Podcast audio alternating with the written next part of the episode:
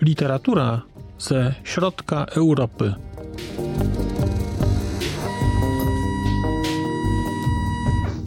Podcast około książkowy. Dzień dobry. Witam Państwa w kolejnym odcinku podcastu około książkowego Znak Litera Człowiek. Przed mikrofonem Marcin Piotrowski. Dzisiaj po raz kolejny jesteśmy w Rumunii e, i jesteśmy w Rumunii w ramach cyklu Rumuńskie e, Klimaty wydanego przez, e, wydawanego przez wydawnictwo książkowe Klimaty, a dzisiaj mam dla Państwa opowieść o książce Michaila Sebastiana od 2000 lat. Książce nie nowej, bo książka ukazała się w roku 1934, ale dzięki książkowym klimatom w roku 2020 dostała polskie, polskie życie, a to polskie życie zafundował jej e, Dominik Małecki, który tę książkę z języka rumuńskiego mm, przetłumaczył. I do mnie, y, do mnie y, Michał Sebastian trafił y, z rekomendacji Tomasza Zaruda z książkowych, z książkowych klimatów, który mi tę książkę polecił jako książkę z literatury rumuńskiej, wartościową. I cóż, mogę powiedzieć, no, jestem tą książką oczarowany, wstrząśnięty, poruszony. Mam wrażenie, że to jest to, to jest, ta książka to jest arcydzieło i chyba w tej chwili jest jedną z takich książek, które są najważniejszymi książkami mojego życia. Tak sądzę, ona trafi, yy, znaczy ona się utrzyma w tej liście. Znaczy to, ta, ta rzecz jest bardzo, bardzo poruszająca. No, ale czym jest, yy, czym jest książka Michaela Sebastiana od 2000 lat? Te 2000 lat to są dwa, to, to jest mniej więcej 2000 lat, powiedzmy, od narodzenia Chrystusa. Akcja tej książki dzieje się w Rumunii i we Francji, ale jest to książka głęboko, głęboko rumuńska. Jeżeli szukałem książki, czy miałem nadzieję na jakąś książkę o Rumunii, która będzie opisywać takiego ducha e, rumuńskości, tak jak ja go poszukuję, jak chcę go zrozumieć, to Michail Sebastian jest taką książką. To jest książka, która dała mi właściwie wszystko, czego oczekiwałem. Więc jest to książka rumuńska o Rumunii, ale dzieje się nie tylko w Rumunii, bo także we Francji. Najogólniej można byłoby powiedzieć, że ta książka jest rodzajem wspomnień, rodzajem pamiętnika do jakiegoś stopnia młodego intelektualisty i Żyda rumuńskiego. I kiedy mówimy intelektualista i Żyd, to wiemy, że w społecznościach Europy Środkowej i Wschodniej ta osoba będzie nienawidzona podwójnie. Będzie nienawidzona za to, jaką jest osobą i za to, jaką osobą jest uważana, że jest. Bo można tym Żydem być takim aktywnym, pokazywać to, ale można mieć tylko żydowskich przodków, nie dziedziczyć tradycji, ale być Żydem dla kogoś, kto chce w tej osobie zobaczyć Żyda. I od 2000 lat jest, jest arcypoetycką, arcypoetyckim dziennikiem, arcypoetycką opowieścią o tym, jak rodzi się rozkwita e, antysemityzm w Rumunii, ale także jest opowieścią o odkrywaniu żydowskości bohatera. O tym, jak ta żydowskość jest różna w różnych okresach życia, jak ta żydowskość jest różnie odbierana, jak ona rezyduje na różnych planach życiowych i jak bardzo to co wydarza się w tle, wydarzenia polityczne, gdzieś warunkują to, jak my się czujemy. Można byłoby powiedzieć, że akcja książki główna, rozgrywa się, ona się rozgrywa na przestrzeni kilkunastu lat, no tam dwunastu chyba, czy trzynastu, ale w gruncie rzeczy mamy tak naprawdę zapiski czy opisy zdarzeń, które mają miejsce w, w kilku latach. Mamy rok 1922 i to jest sam początek tej książki, kiedy, mm, kiedy główny bohater jest na studiach e, w Bukareszcie. Studiuje prawo. I widzimy Rumunię, która, która odrzuca swoi, swoje żydowskie dzieci, swoich żydowskich synów. Widzimy, jak funkcjonuje getto ławkowe, jak funkcjonuje numerus clausus, widzimy rodzaje przemocy stosowanej wobec tych, wobec tych studentów, tego, jak oni są odcinani od tego, nie to, że systemowo jeszcze, oni są odcinani po prostu przez kolegów, tak zwanych kolegów, kolegów z roku, którzy proszą ich, pokaż legitymację, nie wejdziesz na ten wykład, albo po prostu zwyczajnie ich pobiją. Widzimy bijatyki, ale wszystko jest pokazane przepięknie. To znaczy, tutaj nie ma scen brutalności, tu jest tylko coś wspomniane. Ale ten poziom niedopowiedzenia, poziom poetyckości, poziom uwznioślenia tego, co tu jest pokazane, no, jak dla mnie ociera się o geniusz. Później jeszcze, za chwilę wrócę do tego, do, do, do tego, jak ta książka jest napisana. Ale mamy rok 22 i sytuację, i sytuację w Bukareszcie. I mamy tutaj, i to jest wtedy ten rok 22, to jest forma zapisu, można byłoby powiedzieć, że to jest rodzaj dziennika studenta, takie, takie zapiski, które się gdzieś, po, gdzieś pojawiają, tak? Ale i tutaj mamy takie historie o biedzie, tutaj mamy o przemocy, tutaj mamy takie historie trochę o odkrywaniu tej swojej żydowskości, o próbie zrozumienia tego, co się dzieje i co się wydarza od 2000 lat, bo to od 2000 lat no to się pojawiają po prostu chrześcijanie, którzy prześladują Żydów, którzy są antysemitami.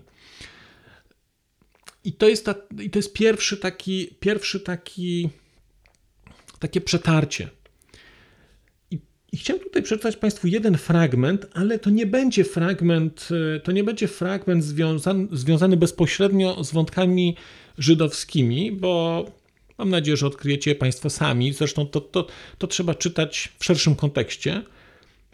Natomiast jest fragment, który pokazuje mniej więcej, jak, jakim poziomem języka operuje Michał Sebastian mm, w tej książce, jakim poziomem refleksji, y, opisu świata. I to jest taki fragment, w którym on opisuje y, swoją ówczesną miłość y, i pisze o niej tak. Tym, co kocham w niej szczególnie, jest jej straszliwy lęk przed abstrakcjami. Jeśli zdarza mi się przez nieuwagę wspomnieć o jednym z, z roztrząsanych przeze mnie dylematów, ta dziewczyna, skądinąd tak dobrze mnie rozumiejąca, nagle zamyka się w sobie, dyskretnie, lecz stanowczo, odmawiając nie tylko odpowiedzi, ale choćby refleksji. Ma nadzwyczajne upodobanie do rzeczy, przedmiotów precyzyjnych, pojedynczych, faktów i ludzi ja, ty, ta książka, to okno, tamto krzesło. Ona jedyna z całego mojego świata, spośród rodziny, przyjaciół, znajomych, nie uznała za ekstrawagancję mojej zmiany prawa na architekturę. Gdy jej o tym powiedziałem, odparła niemal bez zaskoczenia. I bardzo dobrze robisz. Jej uwaga i zainteresowanie moimi nowymi obowiązkami na początku mnie zdziwiły. Teraz jest taki pasaż, który pominę i czytam kawałeczek dalej, dosłownie dwa akapity. Z pewnością jest w niej, w jej inteligencji coś gładkiego, być może jednocześnie też coś ograniczonego, pewien takt, zmysł proporcji. Rozumiem teraz dlaczego. Gdy po raz pierwszy usłyszałem, jak gra na fortepianie, byłem skonsternowany. Jej reputacją dobrej pianistki, co do technicznych aspektów nie mnie oceniać, ale jej muzyczny styl wydał mi się co najmniej osobliwy. Na nieszczęście grała wtedy Chopina, nokturne, które zmieniała nie do poznania, czyniąc go prostym, precyzyjnym, o dokładnych określonych zarysach. Marga nie gra, ona schematyzuje. Słuchając jej, pierwszy raz udało mi się zrozumieć, co może oznaczać konstrukcja utworu muzycznego. Niemal widziałem ją narysowaną, logicznie, fraza za frazą, wartość za wartością. Stąd też być może zainteresowanie Margi architekturą. Ten styl prawdopodobnie pociąga za sobą sporo muzycznego ryzyka, lecz ma też pewne korzyści. To wielka radość słuchać, jak gra Mozarta. Jest to Mozart lapidarny, uwypuklony, skrupulatny, jak nacięcia idealnie naostrzonej chirurgicznej piły. To jest pierwszy fragment, który chciałem Państwu przeczytać dzisiaj. No najdłuższy, pozostałe będą, pozostałe będą krótsze, ale to jest historia, która się dzieje w 22 roku, kiedy on jest, e, kiedy on jest studentem. E, mm, I to jest Bukareszt.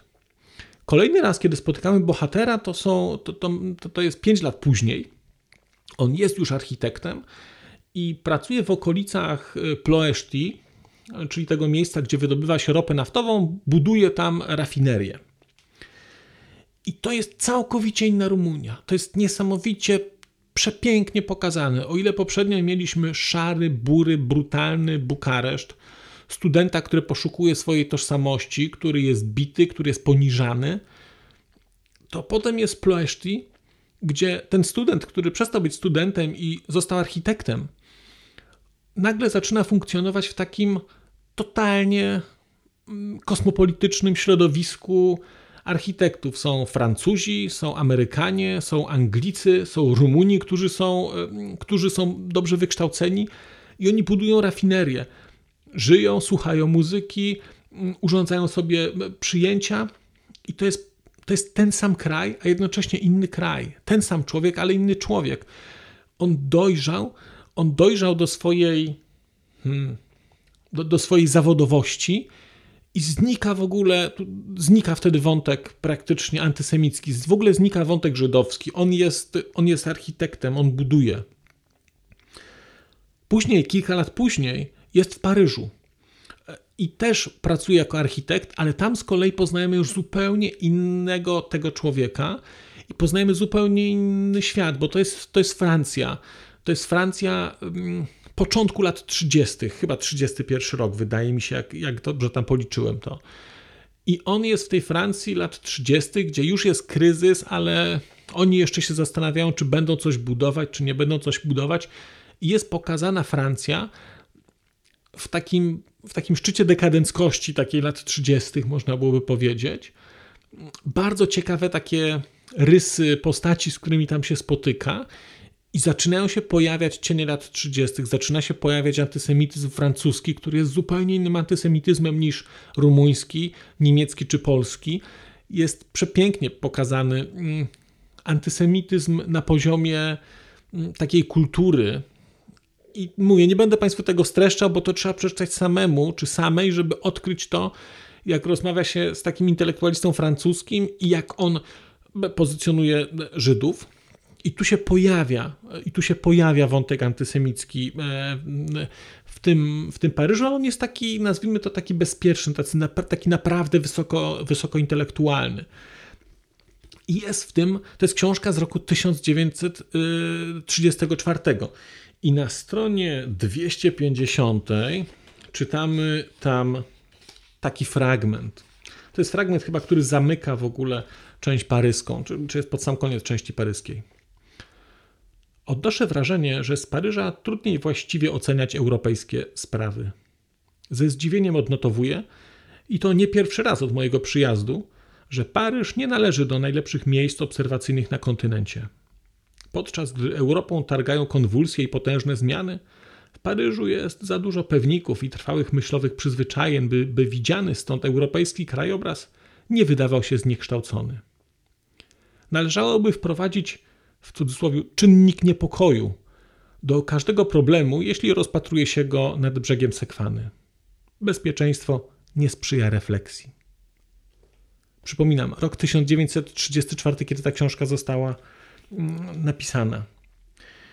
I później y, bohater wraca do Bukaresztu i on wraca do Bukaresztu odmienionego. Wraca do Bukaresztu, który jest Bukaresztem antysemickim, wraca do Bukaresztu, który jest wrzący, do Rumunii, która się gotuje, do Rumunii, która zaczyna zamykać swoich obywateli po więzieniach, zaczyna zamykać komunistów, gdzie to wszystko wrze, wszyscy żyją w, w, w, oczekiwaniu, w oczekiwaniu rewolucji. A potem pojawia się w tej Rumunii taki systemowy, państwowy antysemityzm, który znamy z lat 30. w Polsce. Kiedy zaczyna się o tym, zaczyna się o tym już mówić, zaczyna się ograniczać dostęp E, do pewnych stanowisk. Cały wątek jest przepięknie tu pokazany, jak autor mówi, no, gdyby była wojna, to on wie, gdzie skończy. On skończy e, ginąc za, za swoją ojczyznę.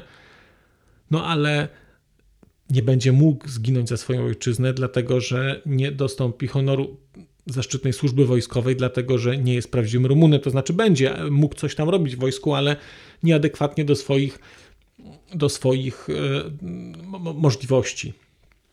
I tutaj też mam taki fragment jeden, który chciałem przeczytać Państwu, który jest, e, wydaje mi się, kwintesencją tego, co działo się już w takich późnych latach 30.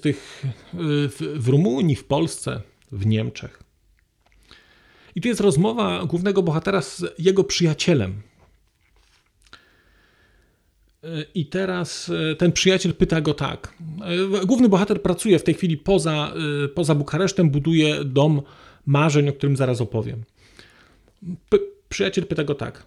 Dlaczego nie widujecie w mieście? Bo mam już dość. Zatruwa mnie ten napięty, nerwowy nastrój. Na każdym rogu jakiś apostoł, a w każdym z nich kryje się tępiciel Żydów. Męczy mnie to i deprymuje. Nie odpowiedział. Przez chwilę nad czym się zastanawiał, wahając się nieco zakłopotany, jakby chciał zmienić temat. Potem, zapewne po krótkim namyśle, odezwał się do mnie w ten zdecydowany sposób, z jakim ludzie pragną się pozbyć ciężaru ze swojego serca. Masz rację. Problem żydowski jednak istnieje i należy go rozwiązać. Milion osiemset tysięcy Żydów to coś niedopuszczalnego. Gdyby to ode mnie zależało, próbowałbym wyeliminować kilkaset tysięcy. Myślę, że nie udało mi się ukryć zaskoczenia. Jeżeli zdawało mi się, że ktoś jest całkowicie niezdolny do antysemityzmu, to byłby to właśnie Mircea Wieru. A zatem i on zdał sobie sprawę z mojego wzburzenia i pospieszył z wyjaśnieniami. Nie zrozummy się źle.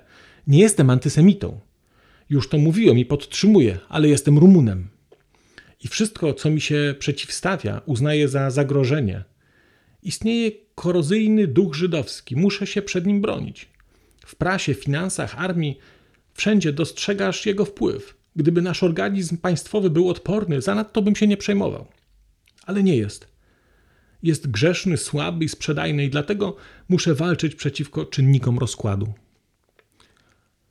I to jest historia, która już się rozgrywa y, pod sam koniec książki. To jest 34 rok. I kiedy myślę sobie o konstrukcji tej książki, o tym, jak ona jest napisana, to wspominam, że to jest, wspomniałem, że to jest arcydzieło. Znaczy, to, jak udało się tu pokazać wybrzmiewanie tego, te, te akordy molowy otwierający, potem są dwa akordy takie durowe, gdzie wydaje się, że, że że ta żydowskość jest zaakceptowana, że, że bohater jej nie odczuwa, albo że bierze z niej tylko to, co chce. Nawet innym radzi, którzy są gdzieś tam e, też, też trochę prześladowani na uniwersytecie. Mówi tak, nie, nie, to minie, zostaw, też przez to przechodziłem. I potem na końcu wchodzi ten, ten akord molowy kończący, który ustawia całość bardzo brutalnie.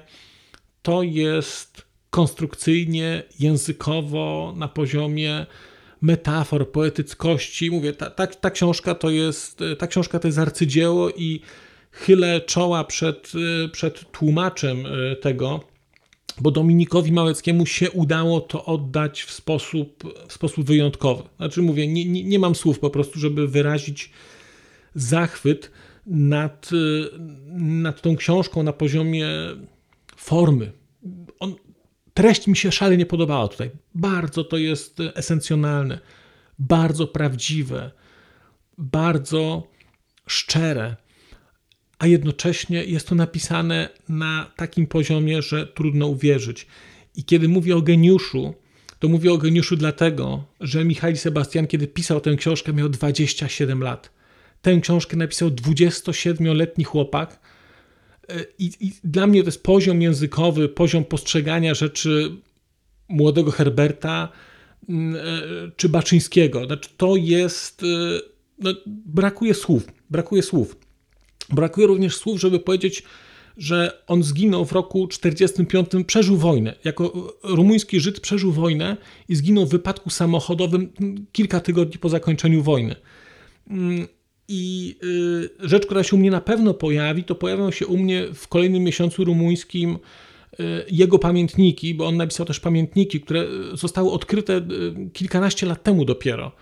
Mm, I one zostały wydane, i to są pamiętniki z lat 30, chyba 5-45, gdzie jest opisane, to jest tysiąc stron, tysiąc stron opowieści o tym, jak postępował antysemityzm w Rumunii i o tym, jak żyli Żydzi w Rumunii, a jednocześnie w tym wszystkim jest cała, całe życie intelektualne rumuńskie tamtych czasów, Mirca Eliade, Cioran, y, no podejrzewam, że to będzie, że to będzie arcydzieło, więc te, ten temat powróci.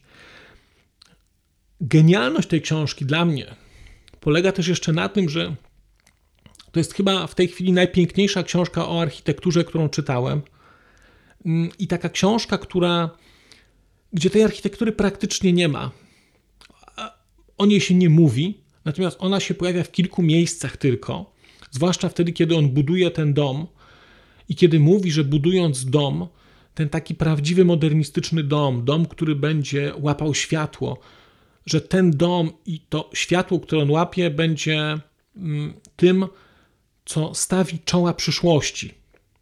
I on pisał w 1934 roku, nie wiedział, jaka przyszłość przyjdzie, ale jak sobie myślę o kwintesencji architektury, e, to te dosłownie kilka kapitułów, które w tej książce się pojawiają na temat domu, który stawia pod Bukaresztem, to jest e, kwintesencja takiego najczystszego modernizmu, który kocham, modernizmu, który jest poszukiwaniem lepszych warunków życia dla człowieka i próbą budowy nowego społeczeństwa.